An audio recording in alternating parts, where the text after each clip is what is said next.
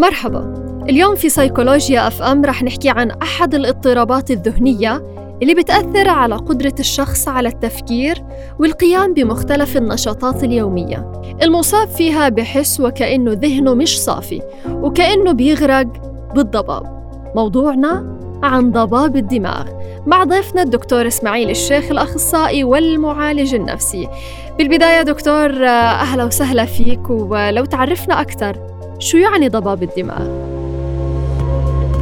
هو معناه ضباب التفكير أي آه، التفكير الضبابي إنه بعض الاضطرابات الذهانيه بتأثر على قدرة الشخص في التفكير وإنه كيف يقوم بعض النشاطات اليومية آه، حيث يشعر الإنسان بالتفكير الضبابي وأن ذهنه مشغول ودائما آه، تعب ودائما فيه ضباب يعني يستغرق في هذا الضباب على شكل الضباب. لو تحدثنا عن الأسباب.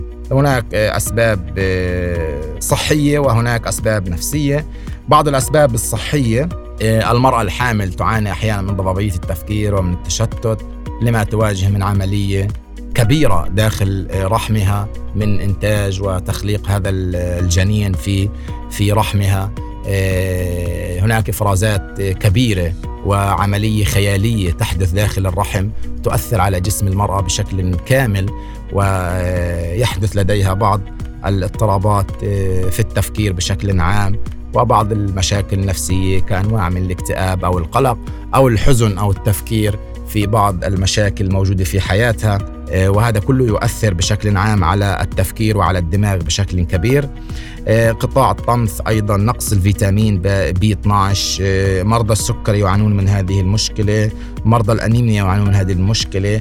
الأشخاص الذين لديهم اكتئاب سريري تم تشخيصهم داخل عيادات الصحة أو عيادات وزارة الصحة أيضا يعانون من ضبابية التفكير نتيجة الاكتئاب الموجود.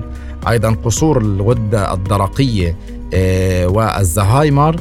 لديهم أيضا هؤلاء الأشخاص ضبابية في التفكير بشكل آه، عام يعني. آه، أما بالنسبة للضغوط النفسية في ضبابية التفكير نتحدث عن ارتفاع مستوى هرمونات الضغط النفسي وقد تؤثر وتؤدي لتشتت الذهن وعملية تثبط منطقة قرن آمون في الدماغ وهي المنطقة المسؤولة عن التعلم والذاكرة. نجد أي إنسان تعرض لحزن شديد لألم لمواقف صادمة لمواقف حزينة آه، شعر بنوع من الاكتئاب شعر بنوع من القلق والتوتر آه، تعرض لصدمة قاسية ومشاهد آه، فيها نوع من القتل أو نوع من التعذيب القاسي أو الحرائق الكبيرة أو الفيضانات بشكل عام. الأشخاص هنا يتعرضون لضغوط نفسية شديدة لا يستطيع الجسم ولا يستطيع الإنسان التعبير عن احتياجاته النفسية بشكل واضح وصريح. وبالتالي يتحول تفكيره إلى نوع من الضبابية. تحدث كثير الناس تقول لك أنا مضغوط آه، أنا حاسس حالي مشتت أنا ذهني مشتت. وطبعا تشتت الذهن من الأسباب الرئيسية للكثير من الأمراض النفسية والاضطرابات النفسية بشكل كبير. طيب ننتقل لجزء آخر في حديثنا عن ضباب الدماغ. هل في علاقة ما بين الضغوط النفسية وضباب الدماغ؟ ولو في علاقة يا ريت توضح لنا إياها دكتور. آه، يتأثر الجسم آه، نتيجة الهرمونات الموجودة نتيجة الضغوط النفسية. الضغوط النفسية شيء مش سهل. الضغوط النفسية آه، تتمحور حول إنه الإنسان يواجه صعوبة كبيرة في إدارة مشاعره يواجه صعوبة كبيرة في إدارة رعايته الذاتية. طيب هل في مشاكل تانية ممكن تظهر على الشخص المصاب بضباب الدماغ ولا لا؟ مشاكل القدرة على التفكير. الإنسان أحيانا المعالجة السمعية بتصير عنده فيها مشكلة. يعني قد يسمع أصوات غريبة نتيجة تشتت الذهن. آه، قد يكون معالجة بصرية لديه ضعيفة وفيها مشاكل. آه، الدمج والربط لديه مشاكل. هذا كله بيأثر طبعا هاي كلها العمليات موجودة في الدماغ بشكل أساسي وقرن آمون هو المسؤول عن هذه آه، أو إنتاج هذه المعارف واللي هو انبساطية التفكير وسرعة التفكير والنجاعة المعرفية والأشياء اللي ممكن نكتسبها من البيئة وكيف الدماغ ممكن يحللها من خلال الذاكرة الحسية والذاكرة قصيرة المدى ويتم تحويلها إلى ذاكرة اللي هي طويلة المدى وتتخزن ويسترجعها الإنسان كيف ممكن نتعامل بطريقة صحيحة مع الناس يلي بتعاني من ضباب الدماغ؟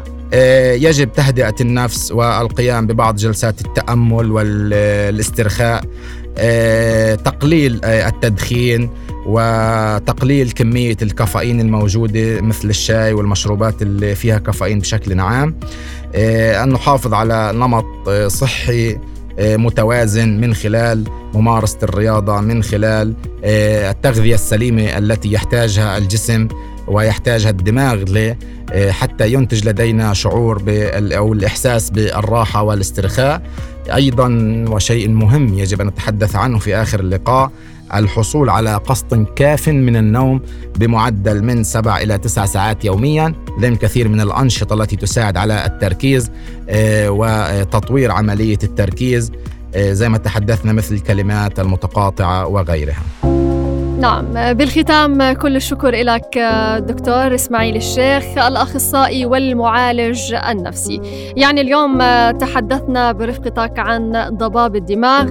كل المنى إنه الشخصيات يلي شعرت وكأنها بتعاني من ضباب الدماغ تكون استفادت من كل آه، المعلومات يلي طرحناها في هاي الحلقة. وأنتم مستمعينا الكرام إلى اللقاء في حلقة جديدة.